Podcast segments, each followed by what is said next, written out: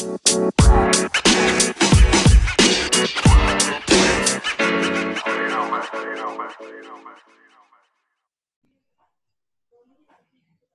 masih dengerin podcast Kepo Kepo Kepo episode berapa nih? Oh, 28.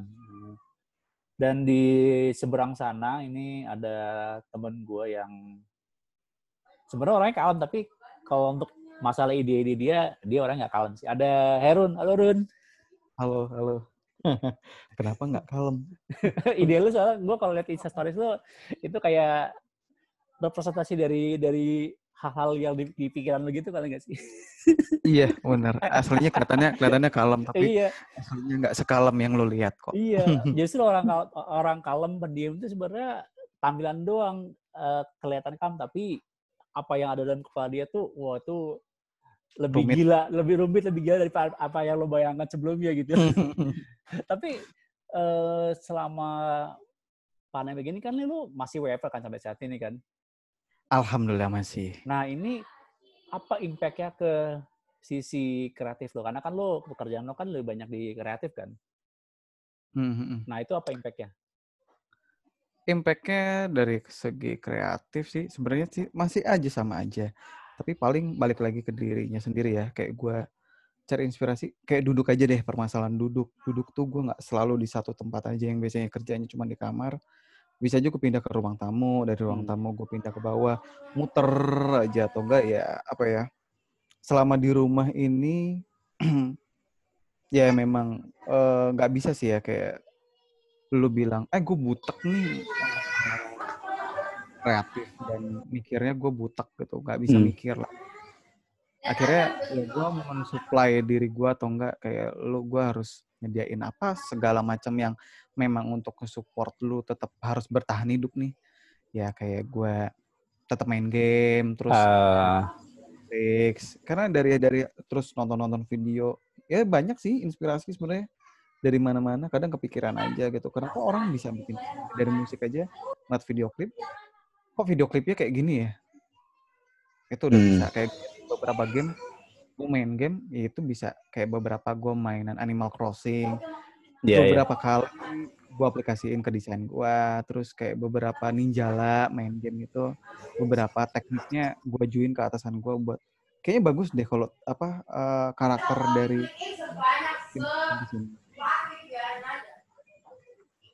Oh, jadi lo bisa karena lo banyak lakuin aktivitas lain itu malah jadi memberi inspirasi buat lo juga gitu ya? Iya. Sebenarnya sih dari mana aja pasti dapatnya hmm. ada aja gitu. Selama lu jangan mikir ya apa ya butek sih butek. Tapi kadang bikin lu happy dulu dari sekitar lu lu punya apa lu apa. Kalau lu udah happy tiba-tiba ya kepikiran aja ngide oh kayaknya ada ini ada ini ada ini ada ini. Gitu. Hmm, tapi kalau ngomong kreatif lu kan ini kan lo sebagai desain grafis lah ya sebutannya gitu kan hmm.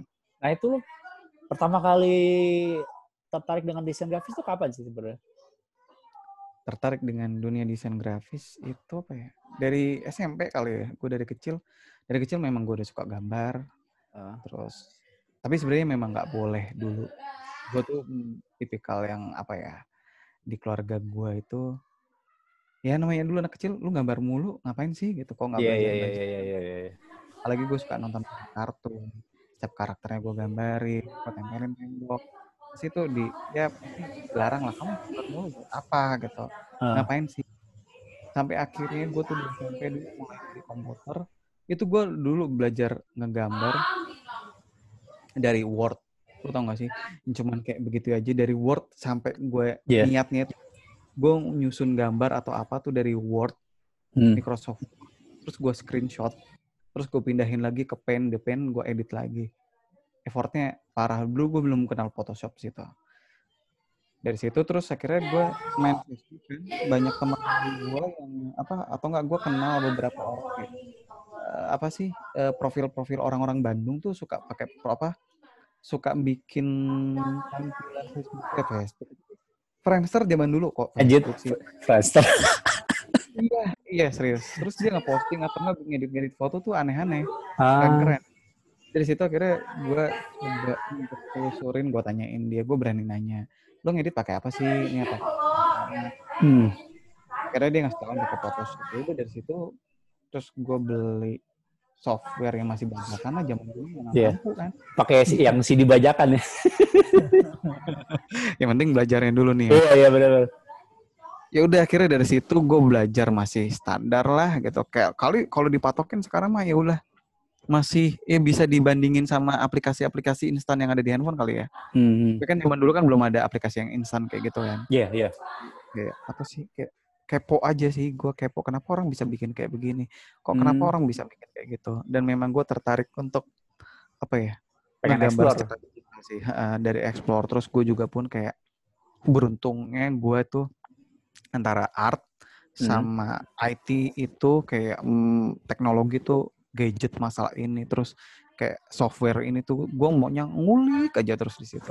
Dan lo selalu update ya dan gue selalu update dan gue kayak selalu kepo aja gitu. Kalau ada orang bikin kayak gini, kayaknya gue bisa deh bikin kayak gini gitu. Gitu sih. Hmm. Nyontek-nyontek lah. Zaman dulu tuh nyontek-nyontek. Iya, iya. Gue aja pengen bisa bikin kayak gini. Yang penting kan prosesnya, oh gue tahu nih, ini caranya kayak gini.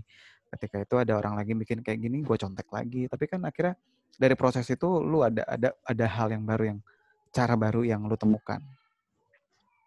Nah, gitu sih. Kalau kayak gitu berarti lo tipikalnya copy paste atau amati tiru modifikasi? Copy paste. Kalau masa belajar gue copy paste aja. Hmm, yang penting lo bisa dulu kan. Belum lo belum, belum lo belum dapat style lo kayak gimana gitu ya? Uh, kalau style itu, kalau style sih sebenarnya apa ya? Gue dulu itu panjang sih prosesnya.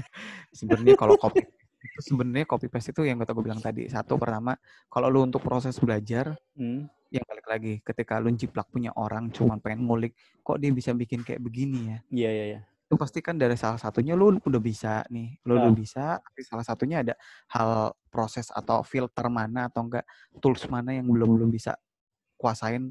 Bisa tuh pasti lu akan bisa nguasain tools itu. Iya yeah, iya yeah, iya. yeah dan akhirnya untuk project yang sebenarnya bakal lo aplikasikan semua ilmu yang lo dapat kepake di situ. Yang pada akhirnya kan lo nggak copy paste banget kan. Iya yeah, tapi yeah. lo untuk untuk ngerasain prosesnya orang lain bikin itu lo udah udah apa ya ngerampok duluan dah hmm. isi cara cara dia kerja. Dan efek lainnya lu juga jadi bisa pakai tools yang apa yang si orang ini pakai juga kan? Hmm, hmm, hmm, hmm betul kayak gitu. Terus gue aplikasiin aja ya sama aja sih. Kalau dia mati terus modifikasi ya bisa jadi kayak gitu. Karena memang gak pure. Apalagi sekarang inspirasi di mana-mana ada ya gitu. Jadi kayak iya, iya. ngejiplak ngejiplak itu apa ya? Ya nggak ngejiplak ngejiplak banget sih. Hmm. tapi ya cuman kayak ya udah prosesnya atau pola berpikirnya dia kok bisa kayak begitu ya? Oh. Yang, yang susah tuh di situnya kok dia bisa mikir bisa bikin lengkukan shape kayak begini ya? Atau enggak kok bisa ya dia bikin gambar yang tadinya gambar aslinya lightingnya di sini kok di situ? Terus berarti gua kalau gue punya aset foto yang sama lightingnya kayak begitu bisa gue edit dong kayak dia. Hmm, kayak iya, gitu. iya. ya sebenarnya akhirnya di situ sih prosesnya sama caranya. Akhirnya gue tahu oh dia caranya kayak gini gitu Oh. Nah, tapi waktu itu kenapa lo masuk wilayah komunikasi bukan desain grafis? uh, jujur dulu budget orang tua. Oh. Jadi dulu memang oh. ngambil interest tadi atau enggak memang ngambil DKV, tapi kan memang kayaknya itu buat DKV yang yang apa negeri aja mahal banget. Mahal banget lagi pula juga pun komunikasi gue ngambilnya kan periklanan. Yeah, iya. periklanan yeah. juga pun malah justru kayak jujur ya, asal lo tahu kayak teman kantor gue atau selama ini yang sesama desain grafis hmm. mereka itu malah pengen belajar marketing atau ilmu komunikasi. Oh gitu? Hmm, karena kenapa? Karena mereka itu bisa bikin desain tapi belum bisa ngejual ataupun mengkomunikasikan itu terhadap orang lain atau meyakinkan bahwa karya gue mantep nih keren nih oke kok. Oh. Dari sisi komunikasi uh, hal yang yang gue yang mungkin secara desain gue bisa otodidak belajarin yeah. dari orang lain. Kayak lu lu nggak usah ikut kayak lu pengen suara bagus. Kalau hmm. emang lu udah punya bakat bagus, tinggal dipoles aja atau nggak ngikutin cara teknis orang nyanyi. ya udah lu pasti bagus aja nggak usah harus sekolah tinggi tinggi iya iya iya gitu tapi kayak ilmu komunikasi akhirnya dari teman gue banyak kok banyak banget yang memang pengen ngambil kuliah lagi ngambil di marketing ngambil di komunikasi kayak begitu hmm.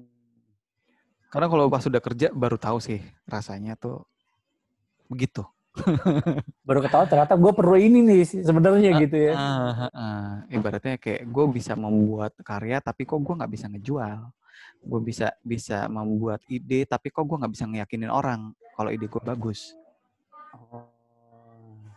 jadi kayak butuhnya ilmu komunikasi di situ jadi bagi gue untung gue kuliah di situ dan memang passion gue masih di desain hmm. dan nasib gue beruntungnya juga nih pak uh. ada di situ juga gue udah beberapa kali kayak nyoba untuk hmm. menyeberang ke copywriter atau enggak ke sosmed tapi ya apa ya jalannya nggak di situ kali ya kayak nggak direstuin aja udah sempat beberapa kali nyoba nyebrang maksimal dulunya? bukan nggak maksimal kayak memang nggak jodoh.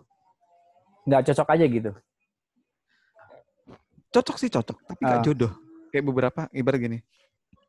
Gue udah kerja di desain grafis terus kayak beberapa ngelamar coba untuk jadi sosmed ya nggak keterima aja.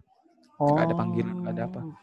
tapi tahu-tahu ya udah jalan gue memang udah di situ aja. Tapi ya ada ada masanya di mana kayak gue penasaran lah setiap orang kayak apakah benar nggak sih kalau lo ada di di jalan yang ini atau enggak memang rezeki lo di sini hmm itu kan harus divalidasi kan Nah, betul. Terus kadang-kadang juga pun lu kan nggak yakin kan, apakah 20 tahun atau 10 tahun kemudian lu akan ber, ya ibaratnya kayak ada galau-galaunya lah masa-masa itu. Iya, iya. Gue sempat untuk menyeberang kiri kanan, tapi kayaknya memang ya udahlah nasib gue di situ sih. Beruntung gue juga di situ.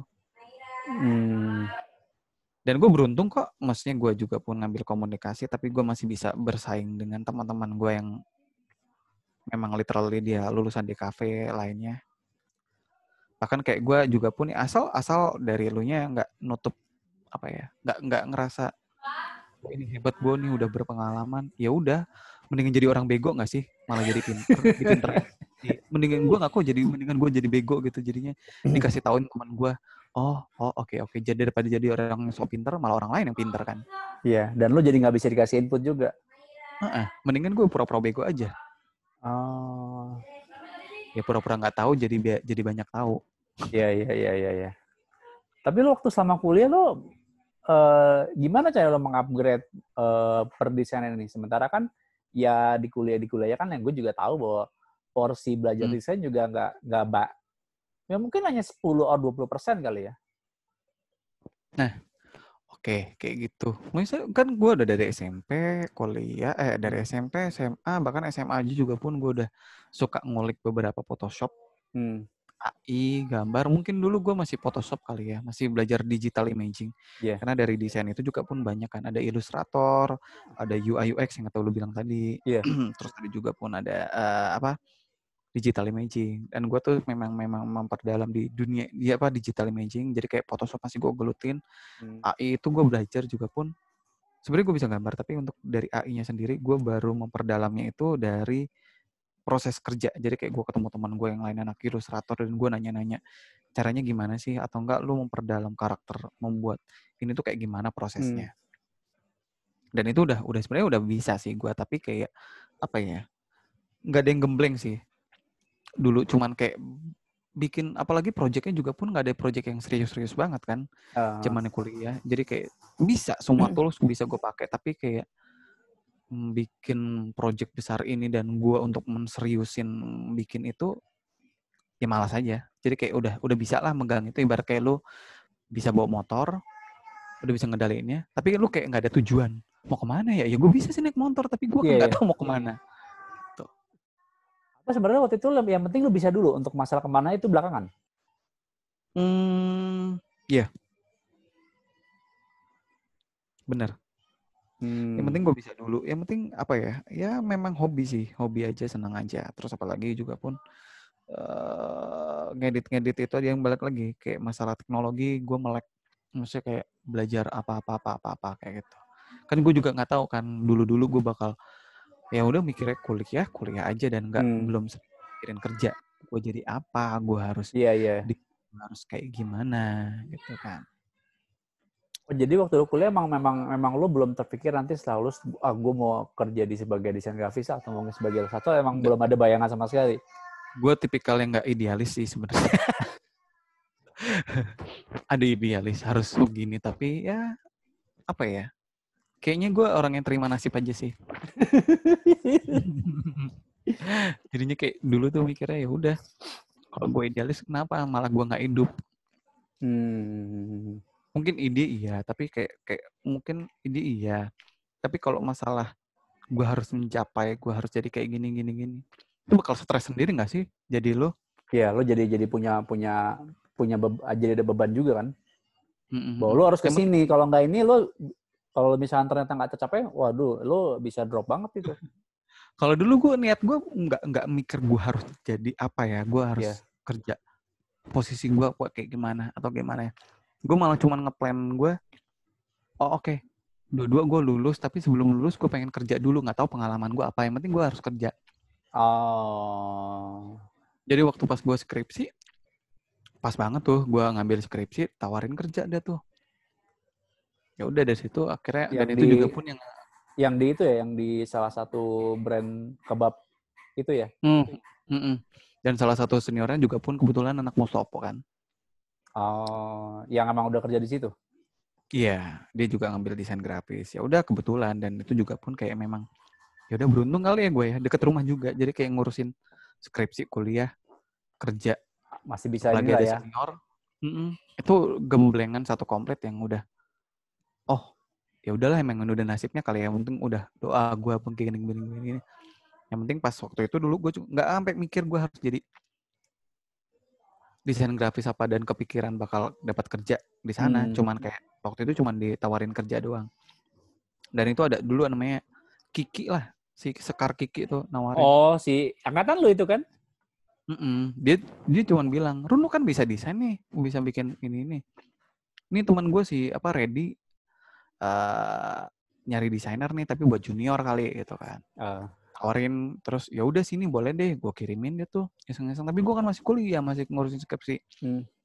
terus katanya si Kiki ya iyalah gue juga kan masih kerja apalagi kayak teman-teman gue main gue kayak Rizky Kiki Sekar semuanya pada jadi SPG jadi ya pada sibuk kerja juga gitu yeah, nggak, yeah, yeah. ngurus skripsi aja jadi kayak gue tuh semangat aja untuk untuk nyoba ya udahlah gue yang penting kerja lah gitu gue mikir yeah. kayak gitu kebetulan nasibnya di situ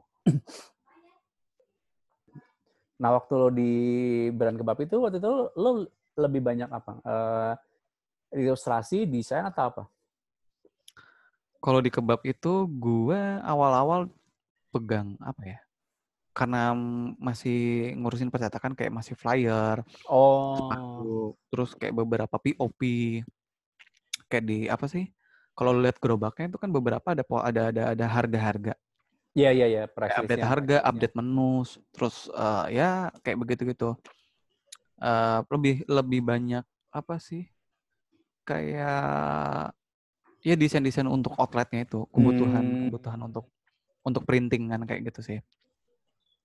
Oh. Terus sama sama oh. sama packaging, packaging kan setiap setiap bulannya bakal uh, bakal diupdate tuh temanya apa. Iya, Misalnya yeah, yeah, bulan yeah, ini yeah. temanya apa, ininya apa. Itu semua dari ilustrasi, dari dari ilustrasi ini. Hmm. Nah itu untuk masalah ide memang lo nyari sendiri atau memang udah ada dari mereka memang udah punya patternnya? Bukan pattern, tapi uh, kalau ide ide sendiri itu dari kayak dari kantor itu biasanya prosesnya dari yang punya ide nih misalnya marketing. Hmm. Yeah. Marketing nih ngelihat potensi target pasarnya nih kayaknya bulan depan ini musimnya anak sekolah deh. Oh. Bagus gak sih kalau misalnya kita bikin oh. campaign kayak begini, itu diturunin kayak gini. Terus akhirnya lari lah ke desainer. Desainer kita punya punya tanggal kalender marketing ini nih, ini ini ini ini ini ini. Lu bikinnya nanti desainnya konsepnya begini begini begini. Oke. Okay. Kayak gitu sih. Oh, jadi dari dari dari dari apa? Uh, market analis dulu ya. Uh, hmm, apa? Harus. Data harus. risetnya istilahnya. Ada apa data awalnya hmm. lah gitu kan. Iya. Yeah. Hmm, hmm, hmm. Oh, nanti baru terjemahan jadi jadi beberapa beberapa desain untuk misalkan untuk apa? Untuk di gerobaknya atau mungkin di apa? flyer atau mungkin ya hmm. yang emang buat kepentingan promosi lah ya. Hmm. Dan di situ juga pun kayak gue belajar banyak sih, maksudnya kayak awal-awal tuh dulu ngeliatnya kok desainnya rame banget sih desainnya dangdut banget Uh, maksudnya dangdut tuh gimana sih? Gue gue gak ngerti. deh. dangdut tuh heboh banget Oh. jadi warna-warni terus kayak lu bikin sakit mata gitu Warnanya Terus apa? Dari nggak- satu nggak- warna dari satu warna lain tuh nabrak-nabrak Nah, gitu ya. kenapa nggak nggak minimalis sih gitu Eh, setelah udah udah tua nih tua di dunia eh, apa bergelut di dunia desain akhirnya gue mengerti kok bahwa yang memang disukain orang Indonesia yang kayak begitu jadinya ya oh Iya. oke gitu lu Iya. suka apa ya gue sajikan kayak begitu udah ikutin Terkadang apa kan maunya ikutin apa maunya pasar aja lah ya. Kadang kayak kita punya idealis nih Hmm. wah kayaknya lebih dibikin minimalis nih keren nih kayaknya Hmm. lebih mewah tapi tapi usaha lo itu bisa mencapainya pasarnya mana Indonesia tuh pasarnya kayak gimana Iya iya iya. dari situ akhirnya lu harus observasi lagi sih sebagai desainer harus kayak begitu harus harus kayak bunglon kali ya lu nemplok di Hmm. mana oh gue jadi berubah jadi kayak gini. Oh gue nemplok di sini harus kayak gitu. Karena kebanyakan yang nggak berhasil apa ya nggak berhasil eh, secara ide lu mengajukan desain. Misal gue sebagai desain yang nggak berhasil nih Iya. ide sebagai desain nggak masuk di pasar. Terlalu idealis ya itu ya. Mm-mm. itu terlalu idealis. Boleh sih idealis. Kalau buat usaha lu, lu sendiri. Kayak gue Eh, sebenarnya karakter desain lu kayak gimana sih? Macem-macem. Gue bisa aja bikin kayak begini karakternya kayak begini. Ya kalau lu misalnya nih kalau buat usaha pribadi lu ya lu pengennya lebih minimalis lebih hmm, elegan ya sok nggak apa-apa. Itu kan apalah. diri lu. Tapi ketika lu udah harus di challenge untuk melihat pasar yang CD AB menengah ke atas Hmm, lu harus switch cepet Iya iya iya iya. Itu consumer behavior-nya juga kan berubah-ubah juga kan. Hmm, betul. Terus kayak beberapa teman gue desainer yang lainnya pasti, kenapa kok desainnya sih ini gini sih? Sini duduk bareng dulu deh belajar marketing. Terus komunikasinya gimana? Itu pentingnya ilmu komunikasi. Ah, untuk ini ya, untuk apa koordinasi dan kol- kolaborasi ya. Iya, udah gitu juga pun kan lu harus melihat pasar juga dong. Oh iya benar. Apa ya? Eh apa sih ngat kalau di humas tuh stakeholder eh stakeholder apa shareholder sih Apa? yang ruang lingkup lu? Stakeholder bukan? Ya mungkin kayak Shareholder, begitu kali shareholder ya. bukannya bukannya pemegang saham ya? Oh iya, oh, shareholder itu, stakeholder lah kali ya. Ya kayak gitulah. Mungkin lo harus ngeliat sekeliling lo. Targetnya ke mana, ininya ke mana, terus eh, apa ya? Hmm, pasarnya ke mana? Hmm. Ya pasti lo belajar lah. Apalagi gue kemarin belajar periklanan kan, pasti ngerti dikit-dikit. Jadi harus memahami. Tapi kebanyakan orang kayak desainer pasti komen dulu. Kenapa sih desain lo ini banget, derang banget? Eh gue menyesuaikan pasar aja. Iya iya. Itu jawaban yang paling realistis ya. Hmm. Iya. iya. Nah, pas lu se- setelah kita lulus, lu waktu itu beneran jadi desain grafis atau atau atau sempat eh, ngerjain yang lain? Memang desain grafis gue masih masih apa masih di sana. Waktu itu kan gue sem eh, apa ya masih lanjut sih sebenarnya dari Hmm. kuliah dari kuliah gue kerja di situ Hmm. masih desain grafis terus gue sempat apa eh, break dulu karena gue memang harus ngurusin deadline skripsi. Iya. Kebetulan juga pun orang lama kantor gue yang lama yang sebelum gue lulus itu ngelihat ngelihat gue udah lulus dia nawarin lagi kan. Tapi ditawarinnya ya udah tapi sekalian lu ngurusin sosmed ya belajar. Oh ya udah gua gua hajar aja. Ah, ya yang penting gue mikir adalah realistis aja ya kerja dulu deh. Lu gue mau mau ngurusin sembari sosmed juga ya nggak masalah gue juga Iya. seneng sosmed kok. Iya iya iya. Tapi itu tuh ada ada kesulitan nggak ketika lo harus di sisi lain lo harus ngerjain desain, tapi juga lo harus memaintain sosmed juga. oh banget tapi kan gue mikir cuman ya udah gue cuman tipikal udah udah gila nih gue menguji seberapa sih kemampuan gue kalau emang nggak sanggup ya tinggal teriak aja kan Iya iya iya. men-challenge diri lu lah Hmm.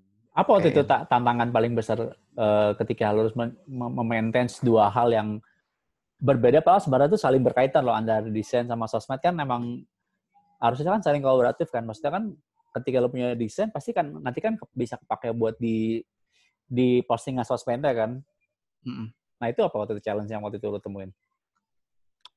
Sama aja kayak update status nggak sih? Kayak gue bikin desain, kira-kira banyak yang respon positif atau negatif, seberapa banyak? Oh. Terus viralnya kayak gimana sih? Kayak gitu. Jadi kayak gue bikin desain, terus kadang gue suka gue liatin, ya kok yang like sedikit itu kayak secara psikologis gue akhirnya men-trigger, oh oke, menyenangkan. Hmm, padahal padahal maksudnya lu di di sebuah brand yang emang orang orang semua semua orang udah tahu gitu ya. Hmm.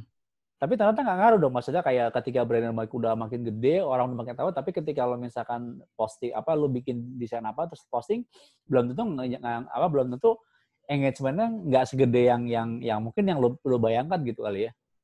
Nah, berpengaruhnya itu beda-beda. Hmm, Maksudnya pertama itu adalah likes. Likes itu berarti tandanya orang banyak yang suka kan. Iya. Yang kedua, kalau nggak suka, berarti mungkin bisa aja satu, lo lo di dislike atau enggak memang lo ya udah dibodo amatin konten lo kayak yang apa Ah. sih? Nah, dengan apa sihnya itu ada lagi yang komen. Biasanya komen itu biasanya ada yang apa sih lu min krik krik krik atau enggak komennya ada juga yang memang out apa out of track lu ngeposting apa desain lu tentang apa orang komennya tentang apa. Jadi kayak yang hah gitu. Tiba-tiba tentang tentang komplainan ten- tentang komplainan produk lah atau apalah. Jadi yang kayak kira-kira gimana tuh ya? Analisisnya banyak sih kalau udah lu sangkut pautin kayak begitu. Iya, itu ada Tapi ada secara ada desain- ada auditnya sendiri tuh kalau untuk sosmed. Heeh. Tapi secara secara desain itu sebenarnya adalah eh, efektif atau enggaknya itu balik lagi sih kayak misalnya dari dari impression Hmm. orang tertarik lo kayak beberapa kali misalnya lu kalau dari sosmed itu bisa kehitung kalau di Instagram Instastory lu ngeposting lu followers lu ada seri- ada 100 Iya. lu ngepasang desain sekali tapi kok lebih daripada 100 yang lihat berarti dia ngeliat desain lu berkali-kali pasti ada salah satu hal yang membuat tertarik entah desainnya atau enggak entah kontennya Hmm. Tapi kalau dari desainnya, kalau lo memang memang patokan desainnya adalah dari situ. Dari kalau kalau kontennya lebih akan akan ngefeknya kan lebih ke engagement kan, lebih Iya. tindakan action, ada actionnya. Tapi kalau impression itu adalah lo tertarik kayak melihat lagi, melihat lagi apaan ya tadi dia di desain itu apa ya gitu. Oh, makanya kalau di Insight IG antara reach sama impression lebih gede impression ya kan? Mm-mm, situ. Jadi menyenangkan aja kan antara iya. belajar desain dengan sosmed. Iya, iya. Itu itu ser, itu apa ya? Kayak seru sih kayak ngamatin. Kok gue posting ini kok nih eh, reach sama impressionnya dikit banget nih. Pasti ada something wrong nih dengan entah dengan konten atau dengan eh desainnya gitu kan? Iya. Jadi nggak nggak nggak sebagai desainer nggak cuman asal ngeludah aja. Cuh, terus oh ya udah Ah. lu kena orang bodoh amat, lu kira-kira itu ngelukain orang apa bodoh amat, ya apa ya? belajar so, belajar desain dan belajar sosmed itu satu tindakan ketika lu meludah eh ada orang yang marah atau enggak? Eh ada orang yang bakal negur gue atau enggak? Atau enggak memang akan membuat pelajaran orang lain untuk tidak meludah sembarangan atau enggak? Sama Jadi, aja kayak begitu sih. analoginya gimana cara lu meludah dengan elegan direspon dengan dengan baik gitu ya? Iya. Jadi kayak lu ngeluarin desain lo itu kan sama aja kayak ngeludah. iya benar benar benar benar benar benar benar. Ya gitulah. Jadinya asik aja. Tapi beberapa orang ya ada juga yang desainer kayak begitu yang udah asal gue udah ngerjain kelar kerjaan gue ya udah ya udah gitu aja. Tanpa dia ngelihat lagi desain gue kurangnya apa atau efeknya kayak gimana. Bagus sih tapi efeknya ke ini ini gimana ya gitu. Keponya ya udah ada yang ada yang cukup sampai pembuatannya aja sih. Kalau efeknya gimana gimana ibu udah amat itu banyak banyak sih yang kayak gitu Nah, kalau yang lu sebut yang banyak itu, ini nggak sih kalau menurut lo kayak yang namanya sisi kreatif itu kayak mau kayak kayak gue punya asumsi kayak itu liar banget. Bahkan saking liarnya tuh lu nggak bisa kontrol. Lu sepakat nggak gitu? Atau lu punya jawaban sendiri? ya iyalah desain itu subjektif sih ada yang suka ada yang enggak ada yang lihatnya begini ada yang lihatnya begini asal eh, ketika ditanya kenapa lu buatnya kayak begini dan lu pasti punya alasan tersendiri kan Iya. Ya udah tinggal jelasin aja bahwa memang alasannya tapi asal alasannya itu bisa pastikan lu ketika lu menjelaskan itu bisa masuk akal ke orang lain karena namanya desain itu pasti subjektif balik lagi Hmm, benar-benar benar. Bisa aja kayak ya apa ya? Kenapa lo harus bikinnya kayak begini? Kenapa lo tampilin konsepnya begini? Kenapa lo desain lo kok gini sih? Kenapa kok gambarnya gede? Kenapa tulisannya kecil? Kenapa tulisannya Hmm. gede atau enggak gambarnya yang kecil? Pasti kan semua ada reasonnya kan, gitu. Dan di situ makanya eh, desainer perlu belajar komunikasi ya. harus bisa harus bisa mempresentasikan dan bisa menjelaskan ide supaya bisa orang tuh ngerti gitu kan apa apa yang dia mau tuangkan gitu kan. Mm. Tapi kadang kalau lu nggak sanggup untuk menjelaskan, berarti tandanya adalah waktunya lu untuk menganalisa. Oh, seberapa Oh. banyak sih orang nggak paham tentang eh, ide atau nggak kreatif lu yang lu sajikan kepada orang lain? Hmm, hmm, hmm. Atau orang lain itu atau atau lu- orang lain harus melihat lu atau lu harus melihat orang lain? oh ya dua hal yang beda sih itu sih. Ya, ya kan? Iya, lu iya, bisa iya. aja kayak tipikal gue mengeluarkan karya lu gue, ya udah maunya gue dilihat aja. Tapi kalau lu melihat mereka, gue pengen lihat mereka deh. Ibaratnya gue mau melihat dunia, tapi dunia jangan lihat gue. Ya udah, gue lihat. Oh, kayaknya mereka sukanya yang kayak begini nih. Gue sajiin kayak begini. Ketika orang lain mungkin sesama desainer bakal bilang, najis lu bikin kayak begituan. Lu lihat mereka suka nggak? Suka. Ya udah lu diem aja. Gue bilang gitu. itu itu realistis ya. Iya iya iya iya iya iya iya iya. Makanya gue bilang lagi, kenapa kok sajin dangdut banget sih desain lu rame banget? Eh. Gak balikin aja ke desainer. Coba lu lihat Trennya. itu eh, eh, trennya gimana, engagement ini kayak gimana, mereka suka receh nggak? Lu lihat deh mereka. Iya. Engagement gede nggak? Iya sih. Ya udah gitu. makanya Lu balik lagi ke prinsip. makanya, makanya lu kalau posting aksesoris selalu receh ya. Karena emang emang emang orang-orangnya kayak gitu ya. Iya betul, betul. Gue udah udah udah observasi juga. Kalau gue terlalu serius, kalau gue terlalu ini pasti ntar orang mikirnya ah kan yang penting di dunia asli kan gue nggak nggak kayak begitu nggak sereceh itu. Kadang-kadang Iya, tapi iya. sering dibawa-bawa. Enggak, lu Gitu kalau sih. kalau di aslinya lu kalem sih sebenarnya sih. Tapi enggak, tapi tidak ada tapi tidak dengan dengan cara berpikir lu sih. Maksudnya Ya, beda. cara berpikir dalam arti itu kayak lu eh, apa ya kayak mengeksplor sisi kreatif lo gitu loh. Itu itu itu nggak ada kawan-kawan sama sekali itu. Ya betul betul betul. Kadang orang diem tapi otaknya liar gitu kan. Iya, itu Kadang itu sampai orang yang mikir ini orang kenapa sih?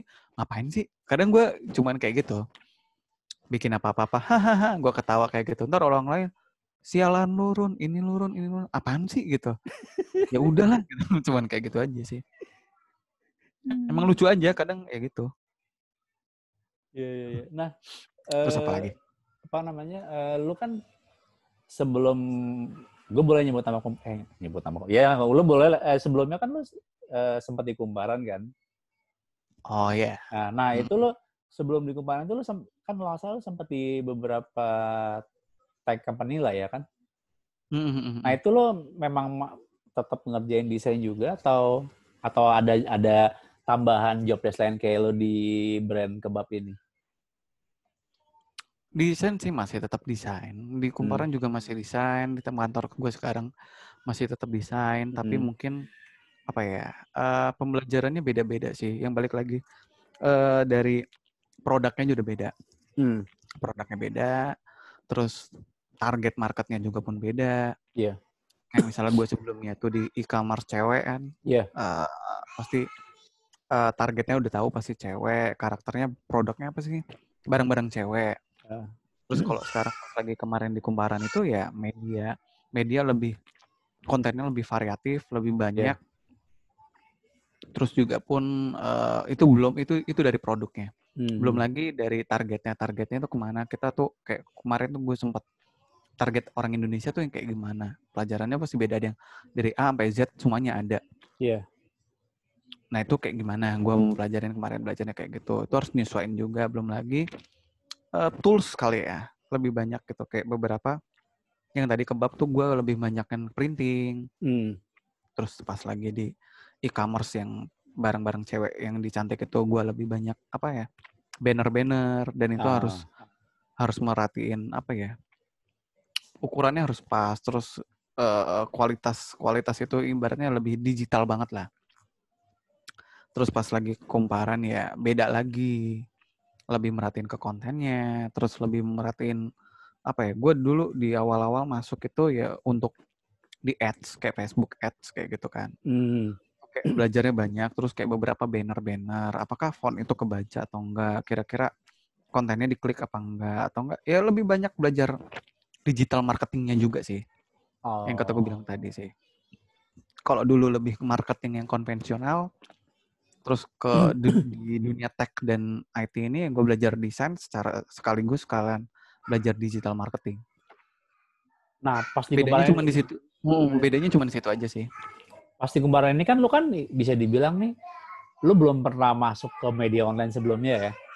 Mm-mm. Nah itu ada challenge sendiri nggak ketika lu untuk lu susah nggak sih waktu itu adaptasi awalnya ketika lu dari yang eh, konvensional nih akhirnya lu masuk ke udah digital udah gitu media online lagi yang emang nih lu belum pernah cebu lu, lu belum pernah nyemplung sebelumnya gitu loh.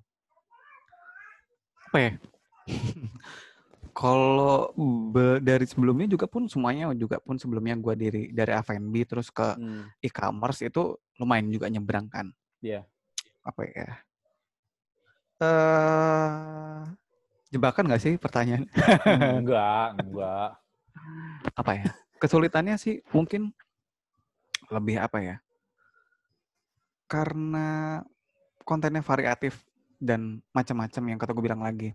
Kalau misalnya di kebab F&B itu makanan-makanan aja sajian lo eh, cari inspirasi lo atau enggak lu ngulik-ngulik kalau cuma di Pinterest aja nih Hmm. ya itu cuman fokusnya di makanan penyajiannya ketika kira-kira Oh, makanan itu enak apa enggak sih tapi kalau ketika apa di media itu kan kontennya banyak kan Iya. Rubriknya apalagi yang banyak. disajikan eh. adalah Eh, apalagi yang disajikan adalah konten dari berita dari news terus food travel macam-macam Hmm. lu harus banyak memahami apa ya karakter itu belum lagi dari targetnya jadi kayak banyak banget yang dipelajarin jadi kayak nggak cuman satu aja satu hal fokus di A tapi kayak apa ya ngebagi feeling lu sih banyak kontennya jadinya kayak banyak harus banyak referensi seluas luasnya Hmm. Apalagi kan juga waktu di lo di Kumparan kan lo lebih banyak ke growth marketing ya. Untuk apa? Untuk narik user baru kan. betul Nah, itu itu seperti apa eh, apa namanya? eh, challenge-nya waktu itu? A/B testing challenge sih A/B Oh, testing sih Oke, oke, jadi oke, kayak oke, oke. ada ada ada ada A/B testing istilahnya. Kalau di dunia desain jadi kayak misalnya lu memberikan opsi desain, ya itu tadi gue bilang lagi dari dari Iya. pelajaran sebelumnya adalah eh misalnya katakanlah ada ada desain yang memang lu sajikan secara satu konten, Iya. tapi lu bikin dua karakter, satu minimalis, satu dangdut. Kira-kira yang bakal kecaplok yang mana? nih? Oh yang A. Nextnya bakal ada A/B testing baru lagi warna Oh. merah dengan warna biru dengan konten yang sama. Kira-kira yang bakal ke kemakan yang mana nih? Warna merah apa warna biru? Belum lagi model. Model mungkin atau enggak siapa? Misalnya dari foto, siapa misalnya lu ada ada satu berita tentang Ya. Jokowi dan Prabowo. Kira-kira lu mensajikan ada tiga opsi. Jokowi dan Prabowo atau Jokowi aja atau Prabowo aja yang disajikan dalam poster itu. Kira-kira yang ba- bakal banyak kecaplok yang mana nih? Oh. Kayak gitu. Tapi kalau misalkan sorry, kalau kalau ya itu misal- belajarnya kayak gitu. sorry, Kenapa kenapa? Kalau misalkan em, tadi misalkan nih lo mau bikin desainnya terkait news lah ya, rubrik news. Itu lo Hmm. ini nggak sih kayak dapat in- insight dari orang redaksi bahwa eh kita redaksinya kita eh, kita mau ngangkat gini nih. Jadi lo bikin desain kalau bisa gini. Itu kayak gitu nggak?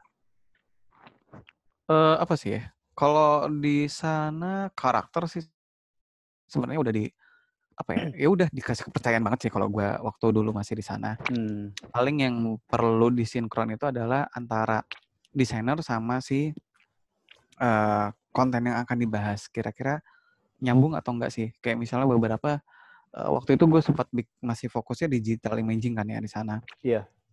eh beberapa kayak kasus apa sih eh waktu itu gue bikin Lion Air tenggelamnya Lion Air Oh, yang di Itu kan Kalimantan.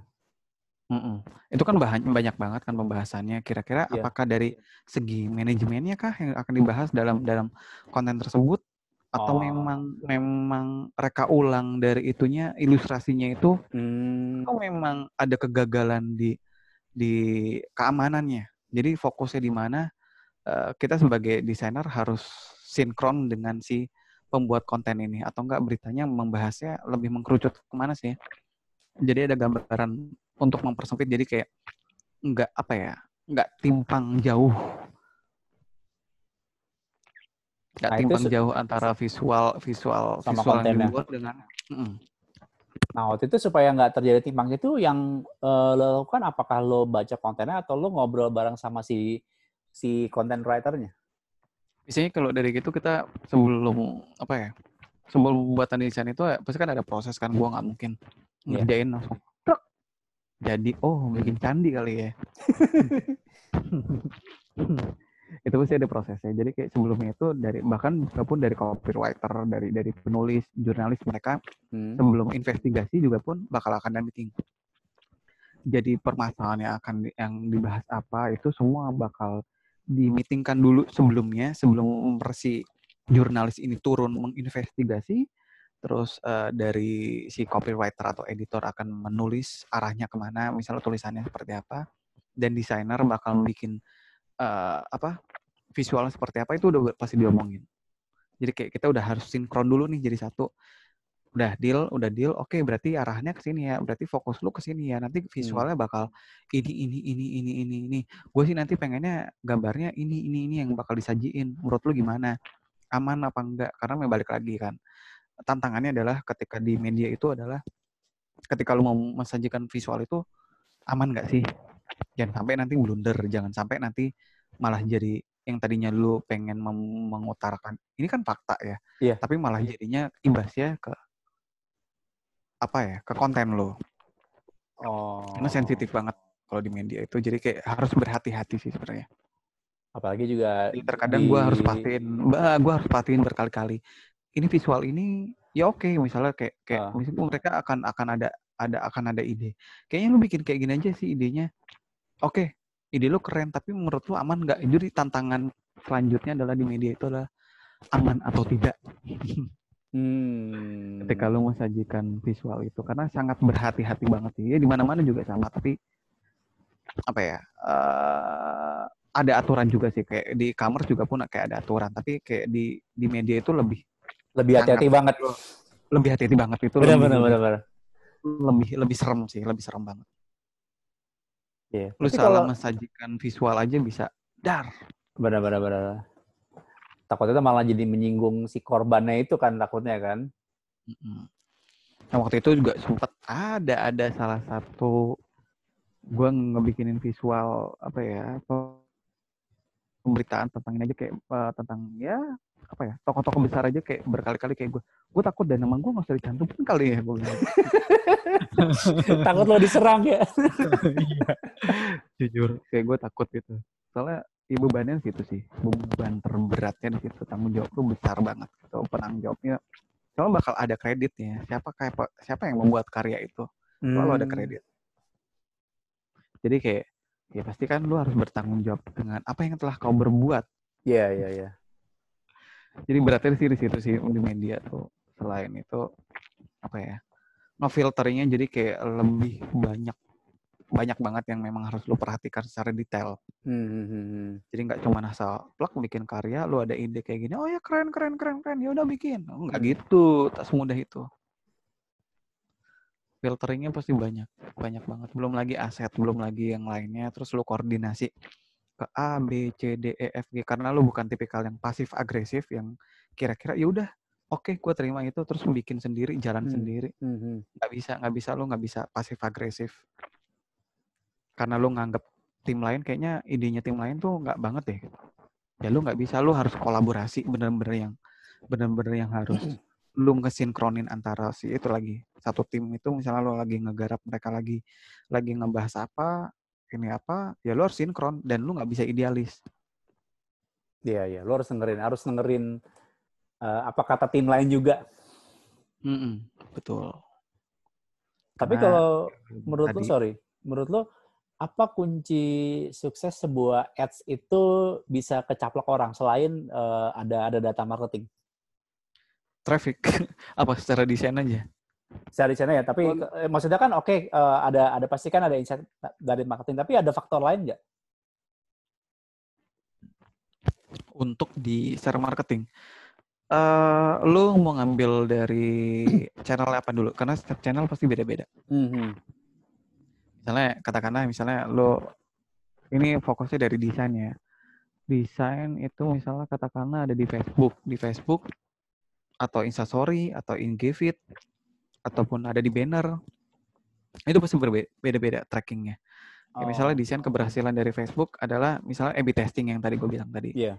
Itu sering banget anak digital marketing bikin A/B testing iklannya. Misalnya satu konten tiba-tiba karena ngikutin algoritma lu adalah kecantol orang yang tipikal orang yang suka dangdut akhirnya lu dapat dapat dapat apa desain yang lebih dangdut terus cara teman lu lagi ada yang lebih suka elegan ternyata dia dapat dapat desain yang lebih elegan walaupun kontennya sama nih ujung-ujungnya kayak hmm. lu sama teman lu gue kok dapat konten yang sama tapi dapat desain yang beda ya kayak gitu itu trackingnya biasanya dari impression dari dari Facebook itu kan ketika lo lihat dari IG apa dari dari timeline apa home ya dia mereka tuh pokoknya klik pertama ya udah kalau ketika lo ada orang lihat diklik ya udah berarti lo udah masuk impression hmm. berarti lo udah udah uh, tolak ukurnya dari segi desain di situ Sejauh ini sih baru dari impression aja sih. Karena hmm. memang kalau udah sampai sampai diklik traffic traffic traffic apa track track apa dari klik klik klik lagi itu kan udah ke traffic kan. Itu yeah, udah yeah. kita harus ada ada, bersinggungan dengan dengan uh, data lainnya lagi. Iya, iya, iya. Bisa jadi dari kontennya, bisa juga dari apa uh, kopinya. Kalau dari dari dari mana? Facebook itu kan ada kopinya sendiri lagi kan yang memang harus di rework Iya, iya. Atau enggak kayak orang bilang tuh clean bait nih, sial. di judul di Facebook apa pas gua klik kok artikelnya bunyinya begini. Ya, itu. Ya, ya. Tapi kalau ngomongin uh, desain di media online Run ya. Hmm. Kan, uh, gue ngelihat infografis tuh sekarang tuh tiba-tiba jadi jadi idol banget. Bahkan kan uh, hmm Tirto konsisten banget di fitnya main itu dan Kumbaran hmm. akhirnya itu juga menurut tuh kenapa sih infografis tuh jadi jadi jadi gampang banget kecaplok sama sama user? Apa ya? Orang lebih infografis itu orang lebih pengen disaji. Eh balik lagi sih. Uh, karena orang mengkonsumsi di media sosial, hmm. media sosial itu adalah bedanya ya Twitter, Instagram, Facebook. Kalau Facebook itu lebih uh, tulisan dan dan dan ya pasti targetnya beda-beda dan ada visual dan tulisan. Yeah. Tapi kalau Instagram itu kan memang literally ya lu di, pengennya disajikan secara visual, mata lu dimanjakan. Apalagi Instagram adalah ya memang untuk foto, untuk yeah. untuk suatu hal yang gambar. Hmm. Jadi kayak uh, informasi yang berbentuk infografis gitu ya adalah itu kayak semacam uh, apalagi kayak lu behavior orang itu di sosmed itu cepat ngeliatnya karena saking banyaknya pasti scroll scroll scroll. Yeah, jadi yeah, kayak yeah.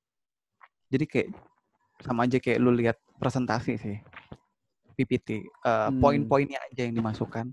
Terus dengan dengan uh, visual yang epic lu akan tertarik deh yang lihat oh keren nih.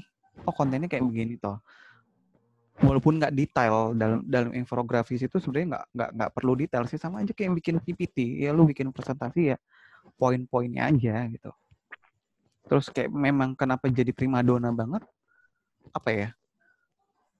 Singkat, padat, jelas orang lebih suka dan dan lu nggak ngebaca banyak-banyak yang penting gue tahu intinya hmm. dan mata gue nggak capek untuk ngebaca itu dan gue disajikan visual yang epic itu kan juga sesuai sama psikologis ya generasi Z juga kan ya? Ya apalagi balik lagi ke channelnya itu. Oh. kalau di IG apa Instagram lebih mensajikan dengan visual. Sebenarnya makanya kenapa orang lebih suka infografis ya kayak begitu dan behavior orang-orang tuh jujur ya malas baca loh. Benar benar benar benar. Apalagi kalau udah panjang-panjang malas banget tuh. Uh-uh. Kayak beberapa ada kan nggak sih? Kayak yaudah intinya apa sih? Gitu. Benar benar benar benar benar benar ceritain panjang. Ya lu biar ngerti dulu lah gue ceritain kayak gini-gini. Enggak udah lu intinya apa? Dari situ tuh kebiasaan orang-orang yang intinya apa? Jadi kayak itu poin-poinnya aja tapi makanya orang kan. makanya orang Kenapa? beralih ke orang beralih ke Instagram dan udah ninggalin Facebook ya.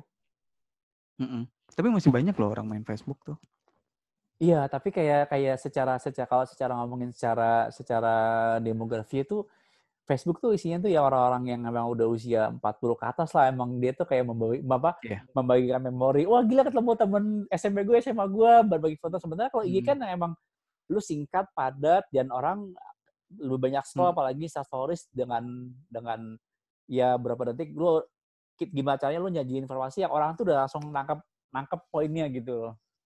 Hmm. Lebih grup, lebih banyak grup, terus lebih apa ya?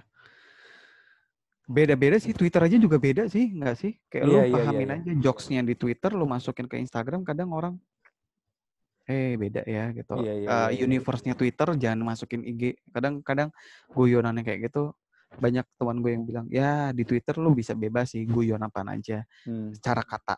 Tapi ketika kata itu dimasukkan ke dalam IG feed yang berbentuk image atau visual, itu kayak langsung sentimennya tinggi.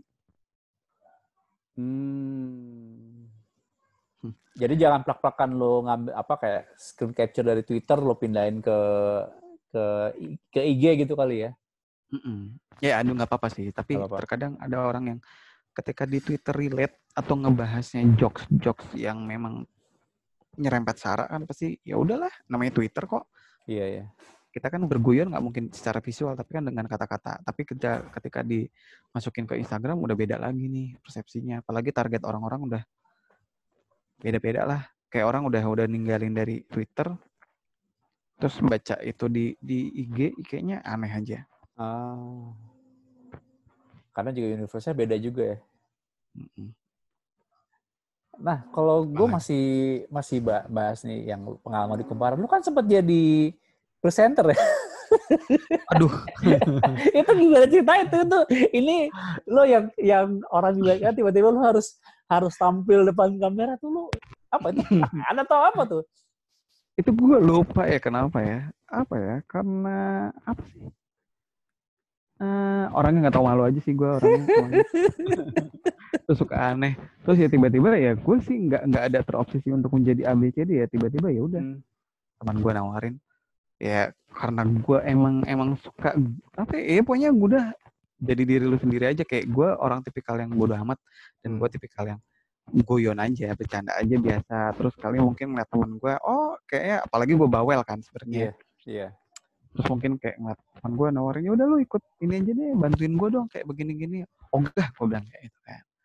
Tapi terus akhirnya dia bilang ayolah ayolah ayolah ya udahlah gue mikir gue balik lagi dong. Prinsip gue hidup, hidup gue nih nggak pernah mau nolak kalau buat kesempatan hmm. suatu hal yang baru ya udah gue coba aja. Kan gue belum pernah nyoba. Iya iya benar. Lu coba dulu baru dapat dapat experience-nya gitu kan. Iya akhirnya ya dari situ nyoba nyoba nyoba nyoba nyoba. Lanjut deh project satu project dua project tiga sampai yang gue nggak sangka-sangka. Oh oh wow. Lagi pula juga kan basic gue dulu juga pun di kuliah ikut teater pak. Oh iya iya iya Nah waktu itu apa yang bikin lo akhirnya uh, merasa nyaman untuk untuk ke project berikutnya kan itu lebih banyak di talk show ya waktu itu ya? Hmm. Apa ya? Um, ini di luar dari desain ya? Iya. Asik aja sih, enjoy aja. Enjoy aja. Lagi pula juga pun waktu itu sempat gue bilang kan, gue tapi nggak bisa, gue bilang ke, ke teman gue, gue tapi nggak bisa serius banget loh ya, nggak nggak bisa apalagi kan kumparan news ya hmm. terus ya gue pastikan enggak kok ini buat konten yang hahaha dan memang konten yang memang untuk yang lebih fun gitu justru kita kurang orang yang apa justru kita kok kurang sih kita butuh, butuh orang yang orang yang receh dan fun gitu loh buat buat ada di uh, segmen ini gitu. oh ya udah oke okay. gitu karena memang nggak hard news banget yang pemirsa iya, iya, nggak iya. cocok karena memang gue bilang lagi gue orangnya receh jadi konten itu memang konten-konten yang memang untuk lebih fun lebih lebih lebih apa ya nggak nggak nggak nggak news banget. Dan memang dan konsepnya juga santai kan konsep uh, talk show-nya kan. Iya. Yeah.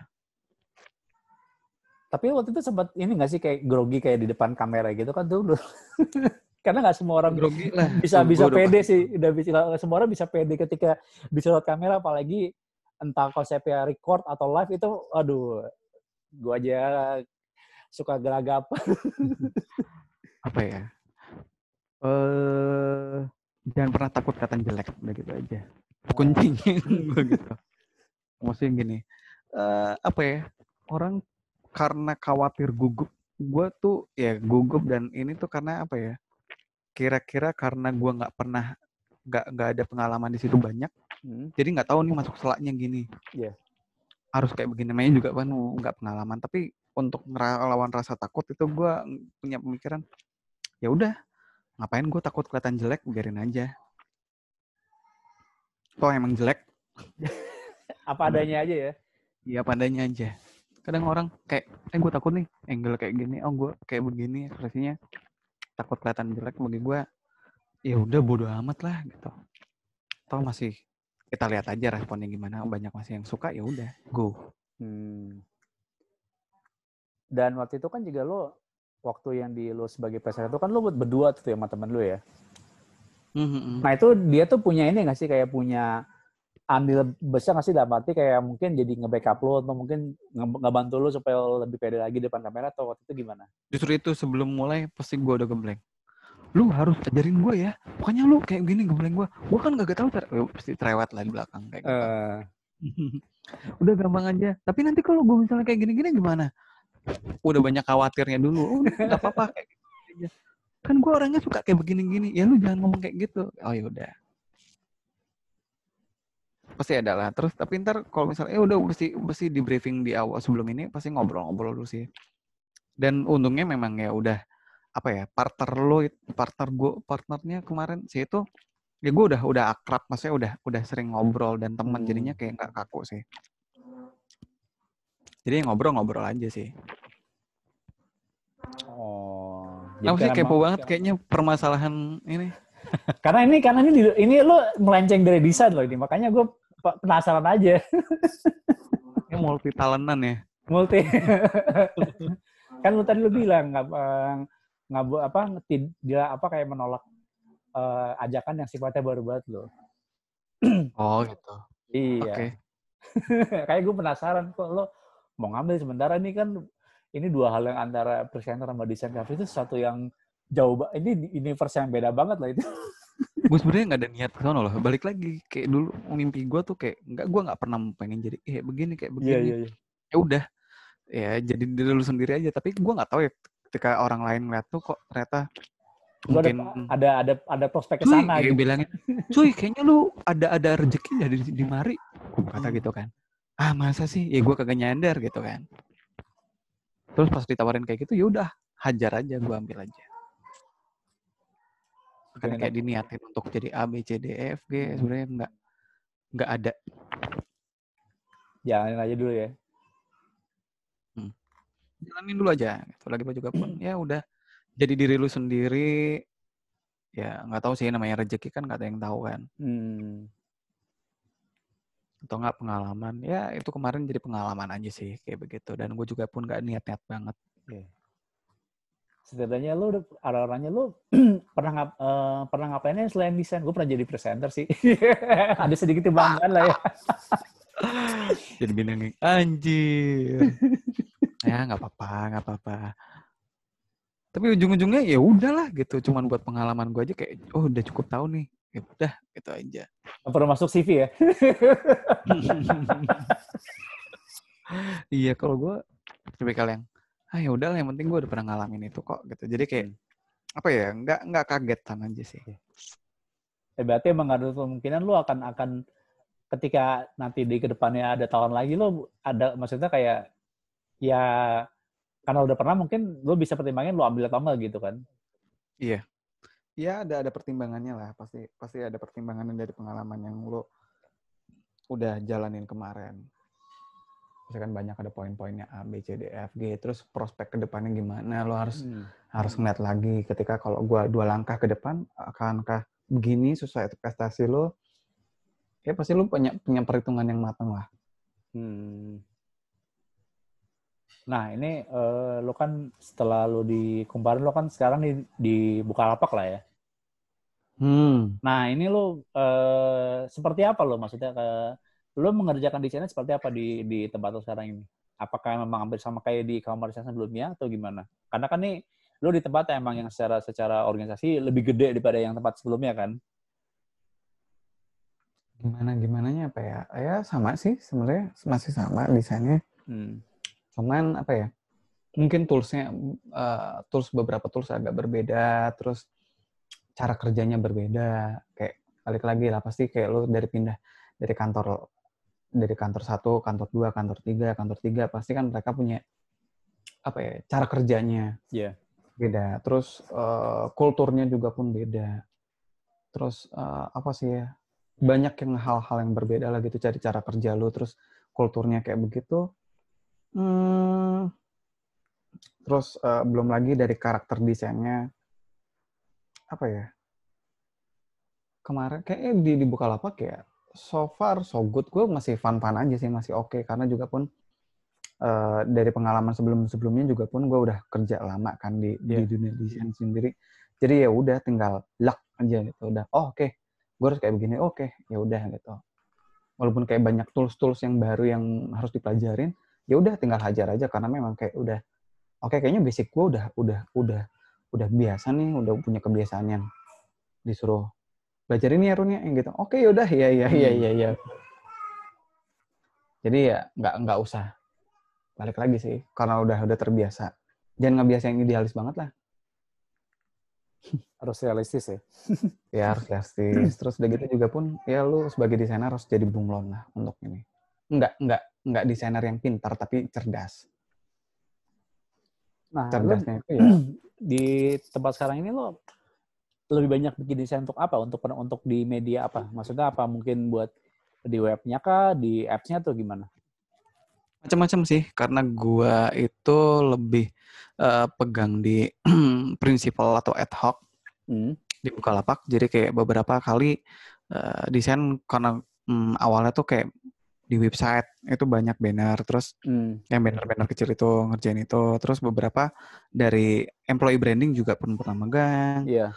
terus uh, apa dari LDP LDP itu kalau misalnya mikro microset yang memang ketika lo yang ada di banner ketika lo klik bannernya itu rincian rincian dari uh, apa desain lo yang panjang biasanya hmm. kayak gitu informasi yang panjang itu dibuatinnya kayak begitu itu juga pernah bikin terus kalau sekarang karena gue uh, kemarin juga pun sempat rebranding dan gue Jun juga uh, dimasukin dalam hal tim yang memang untuk bergelut dalam hal untuk ngurusin rebranding yeah. juga perintilannya juga pernah ikut kemarin. Terus sekarang lagi difokusin untuk di sosmed, jadi sosmed buka lapak gue yang pegang. Sosmed yang buka lapak ya? Mm -mm. Oh untuk ini ya, untuk bikin desain apa? Untuk desain buat di feed sama di storiesnya? Mm -mm. Konten-kontennya kayak gitu. Semuanya oh. sih, konten-konten yang di IG apa IG feed, IG story. Tapi kalau IG story ada beberapa yang misalnya kontennya memang konten yang hard selling banget itu ya udah ada desainer yang masing-masing cuma turunan desain aja. Tapi kalau memang uh, kontennya itu berupa dari engagement ataupun ada giveaway-nya, yeah. itu kan atau enggak yang dibuat dari anak sosmed, kampanye sosmed pasti dari dari ke gua, larinya ke gua. Sebenarnya banyak sih macam-macam dari awal udah dari dari suruh ngerjain A, B, C, D, E, F, G. Banyak banyak jenis-jenis desainnya tuh banyak banget. Desain nggak cuma ngerjain desain itu aja, tapi kayak dari ngerjain itu dari banner, terus LDP, terus employee branding, terus uh, apalagi sih sosmed itu kayak apa ya rulesnya beda-beda masing-masing iya, kayak yeah, yeah, yeah. treatmentnya pasti beda-beda juga jadi kayak apalagi stakeholdernya beda-beda mauannya beda hmm. banyak banget banyak banget banyak banget yang harus di harus lalu harus adaptasiin ketika gue masuk jadi kayak kayak apa namanya jadi lu jadi belajar banyak gitu ya Iya. Nah, kan tadi lo bilang sempat uh, apa, rebranding ya. Itu sebenarnya apa sih peng apa pengaruhnya rebranding itu terhadap uh, citra dari perusahaan itu sendiri sebenarnya kalau menurut lo? Apa ya? uh, sebenarnya sih balik lagi ke target mas pasar sih. Sebenarnya hmm. waktu pas sempat itu lo paling paling pernah ngeliat kayak beberapa brand ambasadornya pun kayak ngelihatnya uh, dari apa uh, Dian Sastro. Iya. Yeah. Lebih lebih karena memang targetnya sebelumnya itu adalah uh, menengah ke atas. Hmm. Terus sekarang ini lebih lebih targetnya untuk untuk uh, menengah ke bawah CD. Jadi kayak ada rebranding yang balik lagi ke ke omongan kita tadi di awal-awal bahwa targetnya berubah jadinya rebranding pengennya disesuaikan dengan target pasar pasar yang ada. Iya. Yeah. Dan sebagai pembanding aja sih dengan dengan e-commerce yang lain biar biar tahu uh, apa oh ini tuh BL, oh ini tuh ini, oh ini tuh itu. Jadi pengen menciptakan karakternya juga sendiri sih. Hmm. Gitu. Tapi kalau misalkan ngomongin tadi lo bilang uh, lo jadi banyak hal yang pelajaran itu lo gimana cara cara di saat satu sisi lo masih belajar satu sisi lo juga sambil kerja juga gitu loh itu kan dua hal yang yang berbeda hmm. tapi kayak lo masih jalani berbarengan di daily daily, daily kerja lo gitu itu gimana waktu itu lo cara cara manage-nya gitu loh ketika lo ada waktu buat belajar tapi lo juga tidak mengganggu ya pekerjaan rutinitas rutinitas itu juga gitu loh. Uh, ada ada yang belajar belajar itu kan ada learning by doing ya ya lo belajar sambil berproses hmm. ada juga pun kayak di saat-saat tertentu lo harus ya pasti kan nggak nggak selalu kerja terus nih gitu kan yeah. waktunya pasti ada ada spare waktu yang memang lo harus pelajarin atau enggak ada beberapa kali meeting yang memang harus pembahasan secara rinci di luar yang lo kerjakan hmm. Jadi kayak membahas permasalahan A, B, C, D, E. Ada case ini nih, kita harus solve yuk. Dari situ kan akhirnya hal-hal kecil aja deh pasti berubah. Kayak misalnya font. Oh, font ini harus uh, dikasihin, uh, biasanya standar font udah dari sananya kan. Iya. Yeah. Tapi ada yeah. beberapa ketika diaplikasikan itu kok terlalu mepet ya, kok terlalu terlalu apa ya, renggang ya. Yeah, Enaknya yeah. kayak gimana ya. Terus belum lagi ketika pakai font yang sekecil ini kebaca nggak ya di handphone. Terus pakai handphone yang ukuran segitu, font ini ukuran segini kebaca apa enggak? Terus ketika belum lagi banyak yang harus dipelajarin. Ketika font ukuran segini, umur segini bisa masih bisa baca nggak sih? Hmm. Itu ada ada ada masanya kita ada waktunya kayak untuk ngelakuin brainstorming. Brainstorming itu terus belum lagi setelah dari brainstorming itu kita punya opsi beberapa banyak yang itu akhirnya kita research juga ke orang sekeliling kayak beberapa kemarin gue ngelakuin itu juga pun ke nyokap ke bokap karena memang kira-kira dari mereka uh, apa ya baca nggak sih atau nggak paham nggak sih konten ini? Oh iya iya iya iya ya. ya lebih lebih clear aja sih lebih clear kayak begitu. Jadi kayak uh, apa yang sudah kita lakukan di dievaluasi terus ketika ada kurangnya kayak begitu kita pecahkan solusinya kayak gimana. Habis itu ya udah kita kita coba observasi lagi kita kita riset lagi kita cari tahu dan itu kan semua juga sama aja kayak proses belajar. Oh, berarti desain gue kurang ini dong. Oh, berarti kalau ini segini dong gitu. Jadi nggak cuman masalah estetika sih, tapi lebih fungsionalnya. Oh iya iya. Juga pun harus diperhatiin desain. Karena percuma juga lo bikin desain so sekeren mungkin, tapi nggak orang malas baca gitu, malas ngeliat gitu kan. Hmm, betul betul. Jadi di situ sih banyak belajarnya sih di situ. Belum lagi kalau ah itu itu itu sih dari dari segi apa ya? Prinsipal kali ya. Hmm. Kayak lain-lainnya banyak tools baru kan apalagi kayak dunia startup digital itu pasti banyak tools yang baru-baru yang kata lu bilang tadi. Ada Figma, ada yeah. ada ada ada Sketch, ada ini, ada itu. Terus beberapa banyak ada ya mungkin dari editing video ada ada Premiere, ada After Effects, mungkin ke depannya ntar bakal ada yang lebih canggih lagi. Ya, ya terus upgrade di situ sih. Jangan sampai ketinggalan dengan aplikasi-aplikasi terbaru. Kayak gue tetap nyoba gue harus harus bisa nih harus harus belajar. Ini awalnya sih kaget sih kenapa kok pakai yeah. aplikasi ini ya? Kenapa nggak pakai ini aja sih? Iya, kenapa nggak yeah, yeah, yeah, yeah, ngerjain di satu aplikasi yeah, aja yeah, sih? gitu sih. Nah tadi lo bilang kalau proses belajar uh, dari semua yang lo pelajarin mana sih yang menurut lo yang mungkin gue nggak bilang so tapi kayak yang benar-benar yang ketika belajar ini lo benar-benar tertantang banget bener-bener yang lu sampai ini gimana caranya gitu loh. Sampai begini caranya. Apa ya? hmm, tertantang banget. Ini kayak HRD ya pertanyaannya. emang kayak HRD, emang waktu lu interview kayak gini pertanyaannya. Rumit. Apa ya yang membuat tertantang? Semuanya tertantang sih. Semuanya hmm. sama aja tertantang. Semuanya tertantang dalam hal yang balik lagi sih uh, kalau lo melakukan hal pekerjaan yang itu-itu aja pasti lo akan tahu patternnya kan. Yeah. Rumusannya yeah. beda nih. Ah lo tinggal kayak gini-gini aja. Yeah, yeah, Tapi yeah, suatu yeah, hal yang baru itu kayak shit ini gimana caranya pasti gitu. Itu tantangannya sih di situ sih. Hmm. Jadi kayak apa ya suatu hal yang yang barunya itu malah justru yang bikin gue ini gimana ya gitu. Karena lu nggak pernah apa ya nggak pernah stay di situ atau enggak lu belum pernah menjangkau di area desain itu.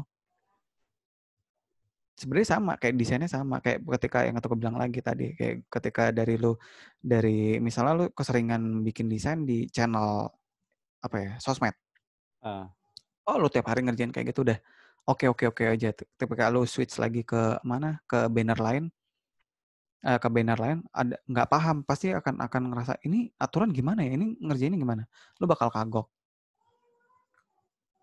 Terus aturannya rulesnya beda-beda. Ya situ sih paling tantangannya uh, apa ya uh, ketika uh, mengerjakan desain terus di satu apa ya satu fokusnya di situ aja tuh misalnya kayak yang lu nggak tahu jejak permasalahannya di situ ada apa aja pasti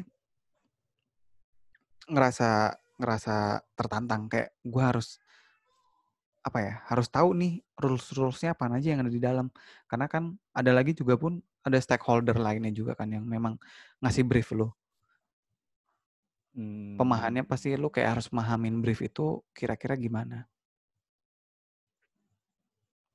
ya, ya. terus kan kayak uh, apa ya lo kerja kan nggak nggak nggak gue bilang lagi nggak nggak sendiri pasti kan kolaborasi.